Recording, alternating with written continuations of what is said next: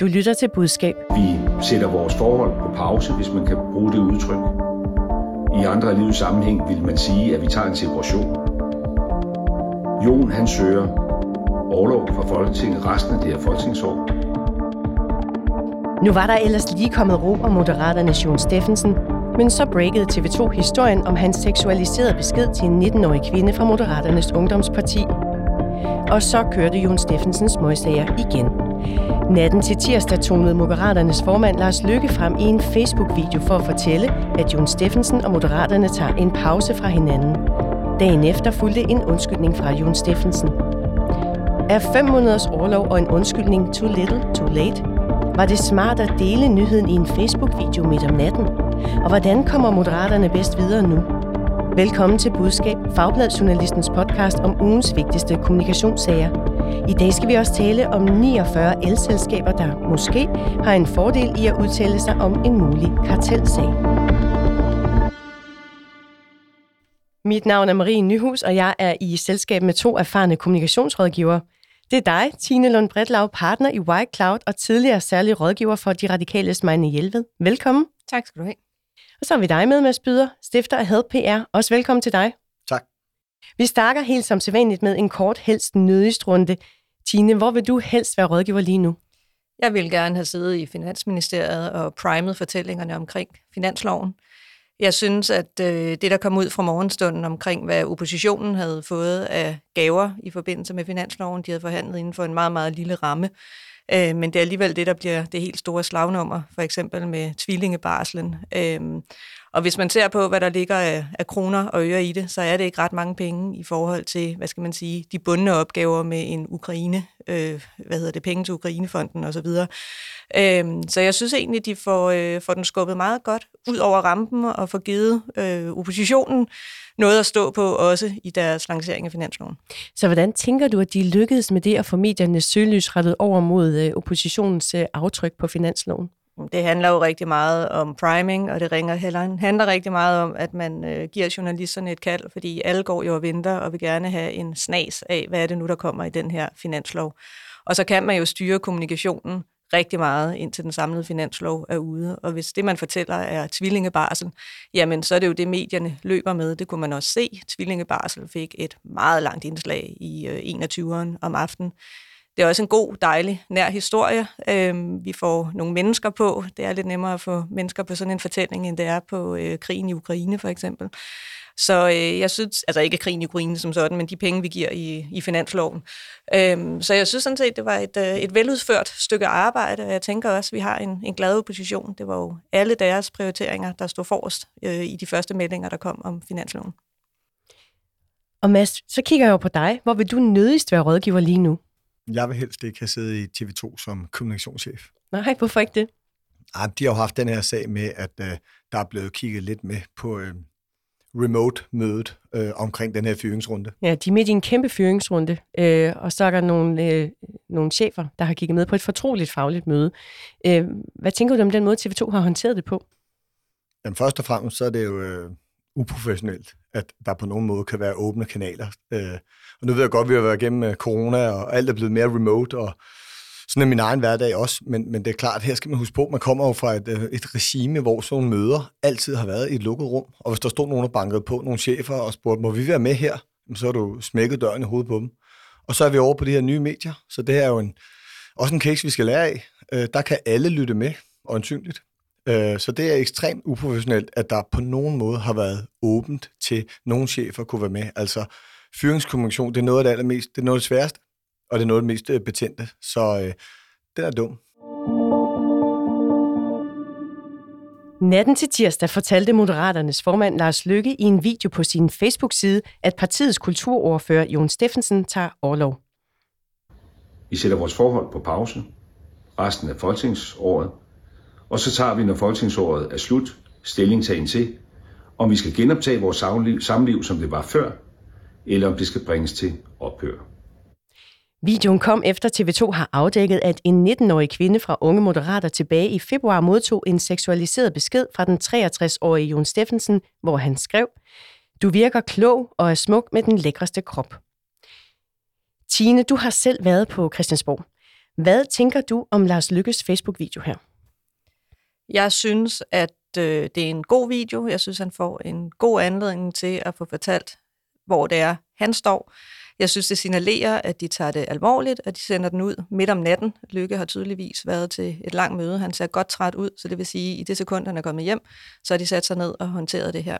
Samtidig så giver det dem muligheden for at igen prime, hvad det er, der skal stå i medierne fra morgenstunden, hvad det er, der skal tales om. Der er ingen, der har mulighed for at stille ham spørgsmål i første runde af kommunikationen, så jeg synes, den, øh, jeg synes, den ligger rigtig fint. Og Mads, jeg ved, du hæftede dig ved, at det er Lykke, der er talsperson i denne her video. Hvorfor det? Jo, men jeg vil også gerne starte med at sige, at altså, han er en utrolig dygtig kommunikatør, og det, det viser han også her. Øhm, men jeg hæfter mig ved, at de spiller kongekortet med det samme. For det er jo også noget, når vi sidder i de kommunikationstaktiske rum, at man øh, overvejer hver eneste gang. Og her, øh, så tror jeg faktisk, at de har vil lukke sagen ved at spille øh, kongekortet, fordi det er lige præcis det, der er behov for, det er ro i partiet.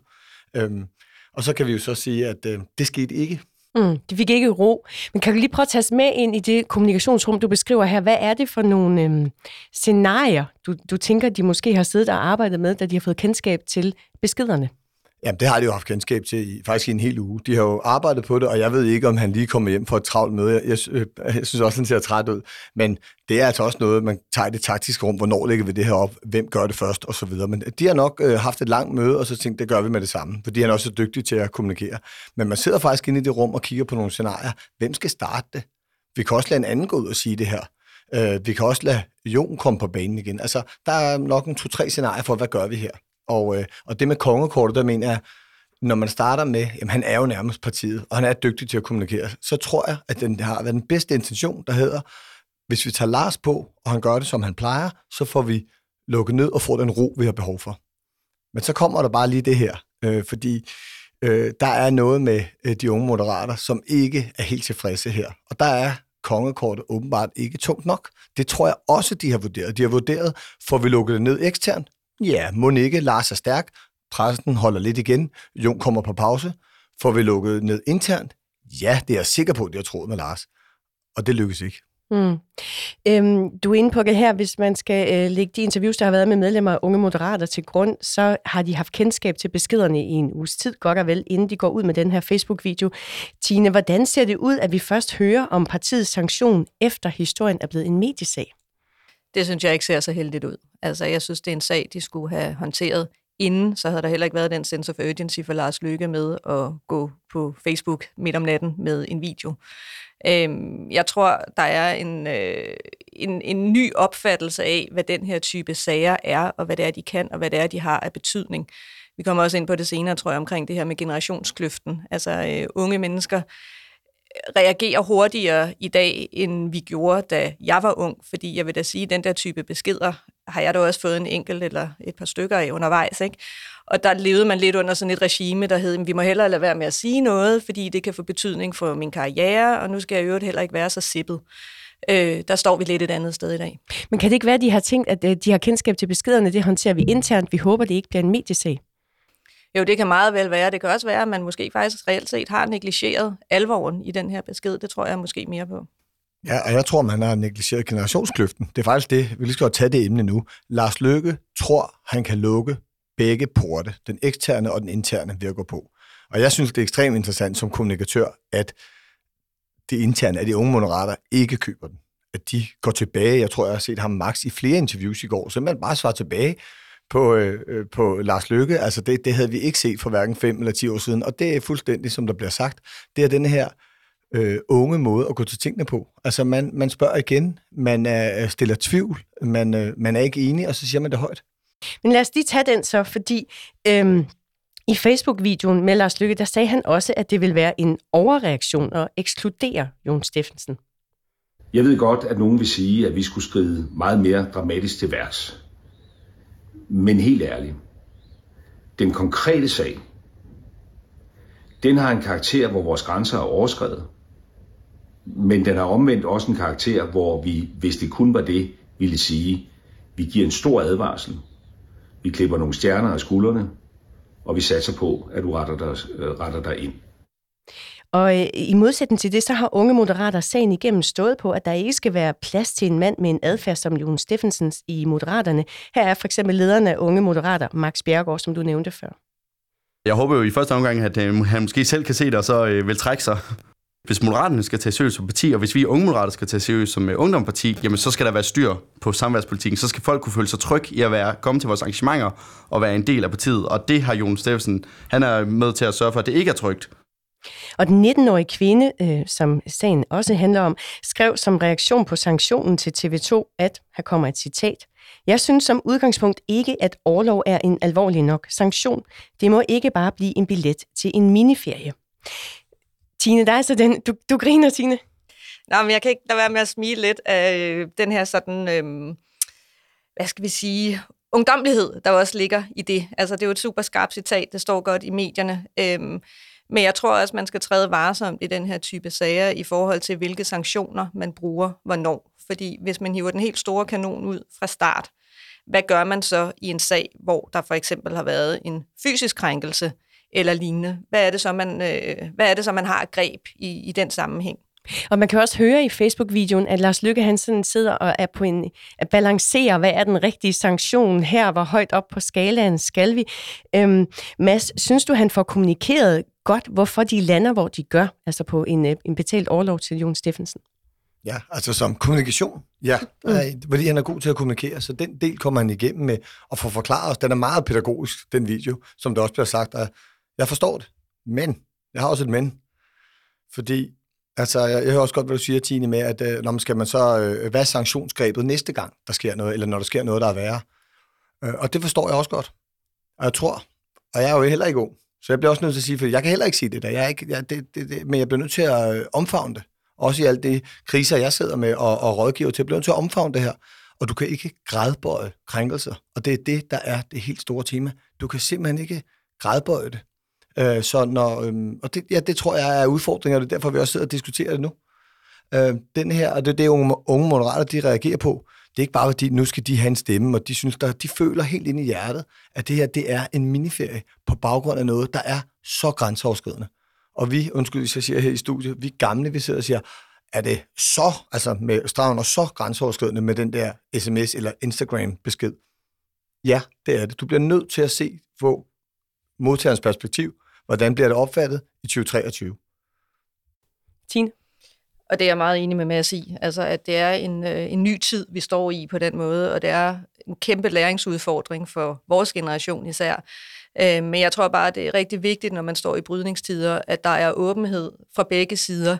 Så det handler også om, jamen de unge står selvfølgelig meget stærkt på det, de synes er rigtigt i forhold til, hvad er det, deres prioriteter er, hvad er det, deres værdier er osv.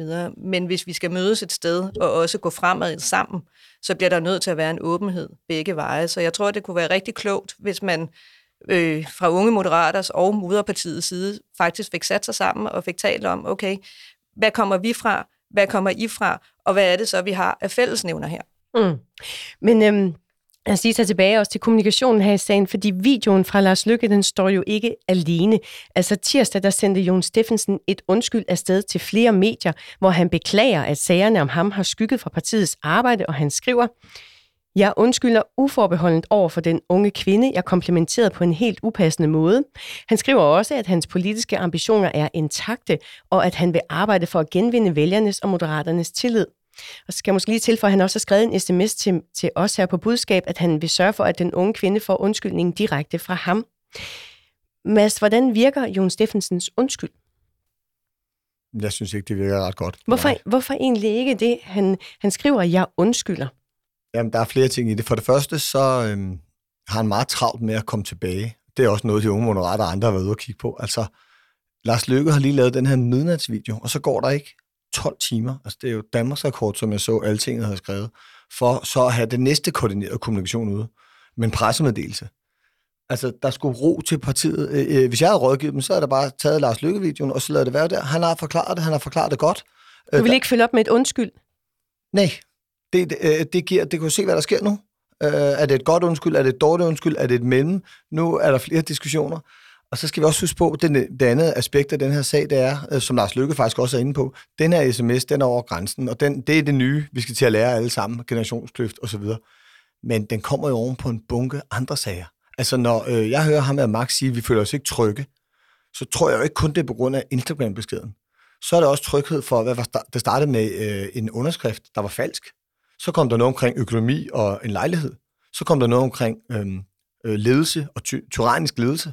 Ja, altså, grænseoverskridende. Grænseoverskridende ja. øh, ledelse. Mm. Så, så det her er jo det 4-5. lag ovenpå Jon Steffensen de sidste to måneder. Så jeg forstår godt, at de siger, hey, øh, her til jeg ikke længere. Tine, jeg skal lige høre, du er enig i det, Mads han siger her, du vil, at du heller ikke ville have sendt et undskyld afsted efter øh, Facebook-videoen? Jeg tror faktisk også, at jeg ville have lavet Lykkes øh, video stå alene, fordi jeg synes ikke, at undskyld bestyrker hverken Jon Steffensens sag eller Moderaternes sag i den her sammenhæng. Og han oven i købet er ude at sige, at han også vil sørge for, at hun får en personlig undskyldning. Det skulle han måske have gjort for længst.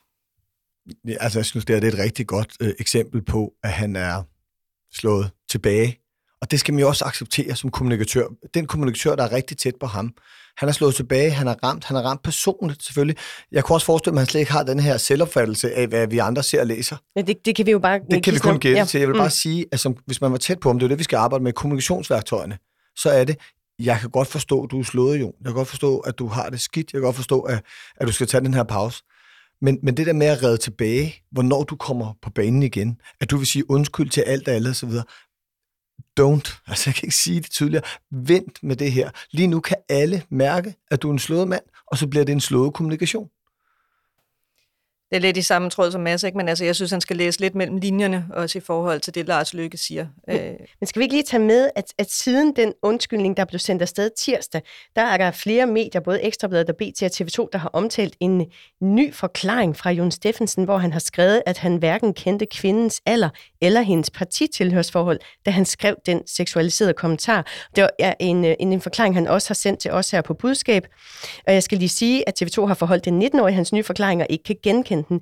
Men Tine, der ser vi, at han prøver, hvad skal jeg kalde det, at nuancere sagen. Hvordan virker det, når han på den måde prøver at gå ud og lægge et ekstra lag på hans undskyld?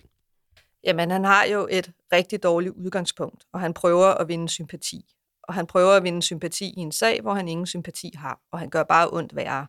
For selvom han ikke vidste, øh, at den unge pige var øh, medlem af Moderaterne, at han havde mødt hende før, og så videre, så skal ældre mænd ikke nødvendigvis sende den type beskeder på diverse medier midt om natten til yngre piger.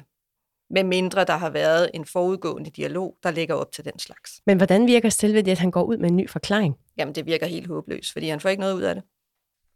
Nu har Jon Steffensen overlov i fem måneder, og I har begge sagt til mig, at den tid, den skal moderaterne bruge på at få fokus rettet mod deres politik.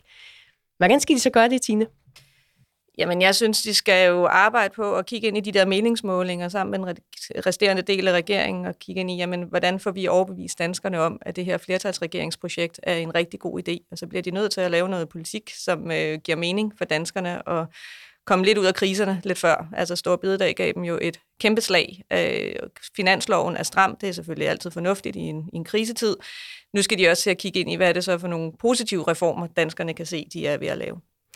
Og Mads, hvilke emner er politiske no-go i denne her karensperiode, hvis vi kan kalde den det? Ja, der er to ting, de skal gøre nu, som jeg synes er, er rigtig vigtigt. Den ene ting er, at øhm, de skal jo komme væk fra Jon nu. Han skal holdes ud i strakt arm, og øh, det vil sige, der er nogle af de sager, de har, hvor man skal tænke sig om som kommunikatør. Altså, bare for at gøre det helt sort-hvidt, øh, og tale om unge nu. Det er jo også deres agenda, ligesom alle andre, med de unge og arbejdsmarkedet, de 70.000, der står udenfor osv.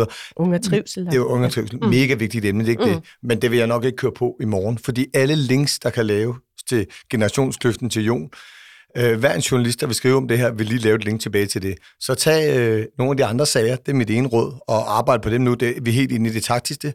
taktiske. Den anden ting, jeg synes, der er er ekstremt vigtigt for øh, moderaterne her, og som, som jeg vil give som et, et godt råd forhåbentlig, det er øh, at tage fat i den her generationskløft. Lidt ligesom Tine sagde før, de kunne vinde det næste stræk, og de kunne vinde rigtig godt på baggrund af den her Jon Steffens sag, hvis de satte sig ned, ældre og unge sammen, og så fik formuleret noget. Altså, det vil være en kæmpe styrke. Det er jo det, vi alle sammen går og roder med og leder efter, og ja, så det er mit gode råd til dem. Tag et møde sammen og kom ud. Øh, I behøver ikke at være fuldstændig enige, men nuancer hvorfor det er så svært at kommunikere om det her og agere i det i samfundet, så vil de øh, tage et kæmpe tigerspring. Jeg skal lige sige, at vi har henvendt os til Mokarakerne om kommunikationen i sagen, men de er ikke vendt tilbage med svar inden vores deadline.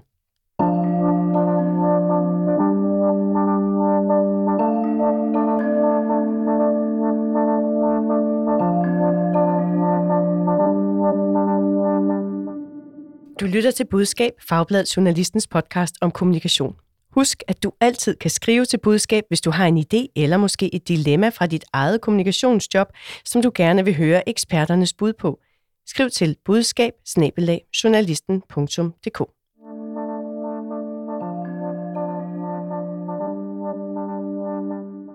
Vi skal tale om framing og en sag om mulig karteldannelse. 49 jyske elselskaber herunder 46 fjernvarmeselskaber undersøges lige nu af Konkurrence- og Forbrugerstyrelsen for at drive kartel. Omdrejningspunktet for sagen er et selskab med base i IKAST ved navn Effekthandel. Effekthandels ejer og direktør Finn Grønkær bekræfter over for Energiwatch, at virksomheden og dens kunder er i myndighedernes søgelys for at drive et kartel. Men han nægter sig skyldig. Den her historie startede i Energiwatch, som fredag afslørede, at Konkurrencestyrelsen er i gang med at undersøge 49 elselskaber for at drive kartel. Og det kunne Energiwatch afsløre, fordi mediet er kommet i besiddelse af en såkaldt klagepunktsmeddelelse fra Konkurrence- og Forbrugerstyrelsen. Og jeg skal lige sige til lytterne, at en klagepunktsmeddelelse det er et udkast til en afgørelse i konkurrencesager fra styrelsen, som de alene sender til sagens parter. De kommunikerer nemlig slet ikke til offentligheden om verserende konkurrencesager. Så vi ved altså ikke, hvor Energiwatch har deres oplysninger fra, men det, der står klart, det er, at der så efterfølgende er direktører fra flere af de involverede selskaber, der giver interview om sagen. Spørgsmålet her er, hvad fik de ud af det? I Energiwatches første artikel om sagen, der er et interview med direktøren fra Effekthandel, der er omdrejningspunktet i den her mulige kartelsag. Øh, han hedder Finn Grønkær, og han siger i interviewet om sagen, det er en sygt stor storm i et lille glas vand, og det bygger på uvidenhed fra konkurrencemyndighedernes side. Mads, hvad får han ud af at gå ud og udtale sig om sagen, inden den er afgjort? Jeg vil starte med at sige, at det er en meget kompleks sag, som jeg ikke har læst fuldstændig ned Selve kartelsagen, den skal nej, vi heldigvis nej, ikke, ikke forstå her. Men sådan kommunikationsteknisk, mm. der, der, der mener jeg, at øhm, han, øh, jeg ved ikke om, øh, om han har en rådgiver, eller han klarer den selv, men rent taktisk, så går han jo og smider det hele på bordet fra start. Øh, og det kan faktisk godt være klogt, så nogle sager har jeg selv siddet med, fordi øh, for det første har han jo nogen på den anden side, der ikke må sige noget. Konkurrencestyrelsen kan jo ikke gå ud og sige noget, så længe sagen kører. Mm. Øh, og så går han ud og melder ud sådan meget skarpt, kan du sige, også. Øh, hvor er det, vi står her, og, og det hele ligger over dem, uden de egentlig kan svare. Så han har jo i hvert fald skubbet det fra sig. Ja, og noget af det, han også fortæller i interviewet, er, at inden han stiftede sin virksomhed, der spurgte han Konkurrence- og Forbrugerstyrelsen, om der var noget ulovligt ved hans forretningsmodel. Og ifølge hans øh, udlægning, så bad styrelsen ham om at rådføre sig med et advokatfirma, hvad han også siger, han gjorde. Tine, det her er jo næppe en artikel, som får øh, indflydelse på, hvordan myndighedernes afgørelse i sagen om karteldannelse falder ud. Øh, så hvad får han egentlig ud af at lægge det her frem? Jamen, jeg tænker, at han har brug for at øh, få renset sig selv og få vist, at han har lavet en sund forretning han har jo også nogle stakeholders, som han har brug for at kommunikere til. Både de eksisterende kunder, og selvfølgelig også de kunder, der har forladt butikken. Fordi der har været det to tredjedel af hans kunder, der har opsagt aftalen med dem. Så det vil sige, det forretningsgrundlag, han havde før, at myndighederne gik ind i den her sag, er jo et helt andet end det, han står med i dag. Og ja, det er noget udvandet, ja. Så vidt man kan se høre, øh, så mener han jo grundlæggende ikke, at han har gjort noget ulovligt, og han mener for så vidt også, at han har sikret sig, at han havde sit på det tørre. Men jeg er ikke helt enig i det her med, at myndighederne ikke kan kommunikere, fordi de har jo faktisk sendt et brev til alle kunder om, at det faktisk kan være ulovligt, og det kan give meget store bøder og også fængselsstraffe, hvis man er kunde i det her selskab, og det viser sig, at der reelt er tale om en karteldannelse. Så jeg synes også, at myndighederne har kommunikeret, og det er jo også det, han spiller op imod. Og jeg håber også, det jeg fik sagt, var, at de ikke har kommunikeret til offentligheden, for det er rigtigt. De kommunikerer til de involverede parter.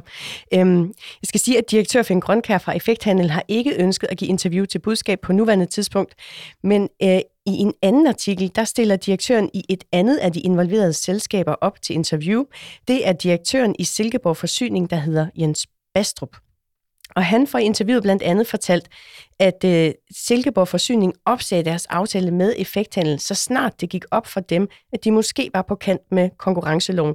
Og det var, som du nævnte før, Tine, i forbindelse med, at de blev adviseret om denne her mulige kartelsag af styrelsen tilbage i februar 2022. Og den pointe, at de opsagde aftalen, så snart de fik at vide, at der var risiko for en mulig kartelsag, den var vigtig for ham at få ud i interviewet med Energibots, siger han til os. Det er klart, det er jo også en af de bevæggrunde, jeg havde øh, for at sige ja til interviewet. At det gav mig en mulighed for at komme ud med den klare melding om, at øh, jeg resolut handlede, viste handlekraft i forhold til, da jeg blev forelagt øh, Konkurrence- og Forbrugerstyrelsens betænkeligheder, at vi netop ikke ønsker at overtræde lovgivningen. Tine, vurderer du også, at de har vundet på at stille op til interview om sagen? Silkeborg Forsyning? Ja. Der er i hvert fald en øh, direktør, der forsøger at vise sin bestyrelse og sine politiske stakeholders, at han er på forkant i den her situation. Også i lyset af, at de har haft en tidligere sag, hvor han blev kritiseret for at holde på informationerne for længe. I budskab, der har vi tidligere talt om de her rekordstore millionbonusser i energihandelsselskabet Energi Danmark. Og sidste uge var der også flere kritiske øh, historier fra energibranchen. Blandt andet var der kritisk dækning af milliardoverskud i Danmarks største energiselskab Nordlys. Mads, hvilken rolle spiller det for elselskabernes kommunikation, at energibranchen er blevet noget af en skydeskive i offentligheden? Jamen, det er klart, der skal siges ja, tror jeg. Det er i hvert fald det, jeg vil rådgive til nogle flere interview. Så den her, Hvor, hvorfor det, når man er i bad standing? du skal ud og forklare dig, du skal ud og fortælle. Øh, altså, hvis du siger ingen kommentar, så ved du godt, hvad vi andre dømmer. Os, der læser eller lytter eller ser det. Altså, ingen kommentar. Øh, nogle gange kan det godt bruges, men det, oftest øh, overlader det jo dem på den anden side til så at vurdere. Så lige nu er hele branchen i bad standing, og det skal de tage øh, alvorligt ude øh, i de enkelte enheder. Og den her med Silkeborg Forsyning, altså, jeg vil da også have sagt til ham, jeg synes, du skal stille op. Både med den øh, fortid, der har været, at de gjorde det senest, men, men også fordi det svar, øh, nu skal, man behøver ikke at sige det selv, det gør han så, men det, er jo, det skal jo vise handlekraft oven på noget, som er usikkert. Så der er rigtig mange, der, der stadig går til den der med ingen kommentar, eller vi skal lige undersøge det lidt nærmere, eller vi kommer tilbage, og det skal man selvfølgelig have lov til, og, og sådan et rum sidder både Tina og jeg i hver eneste dag.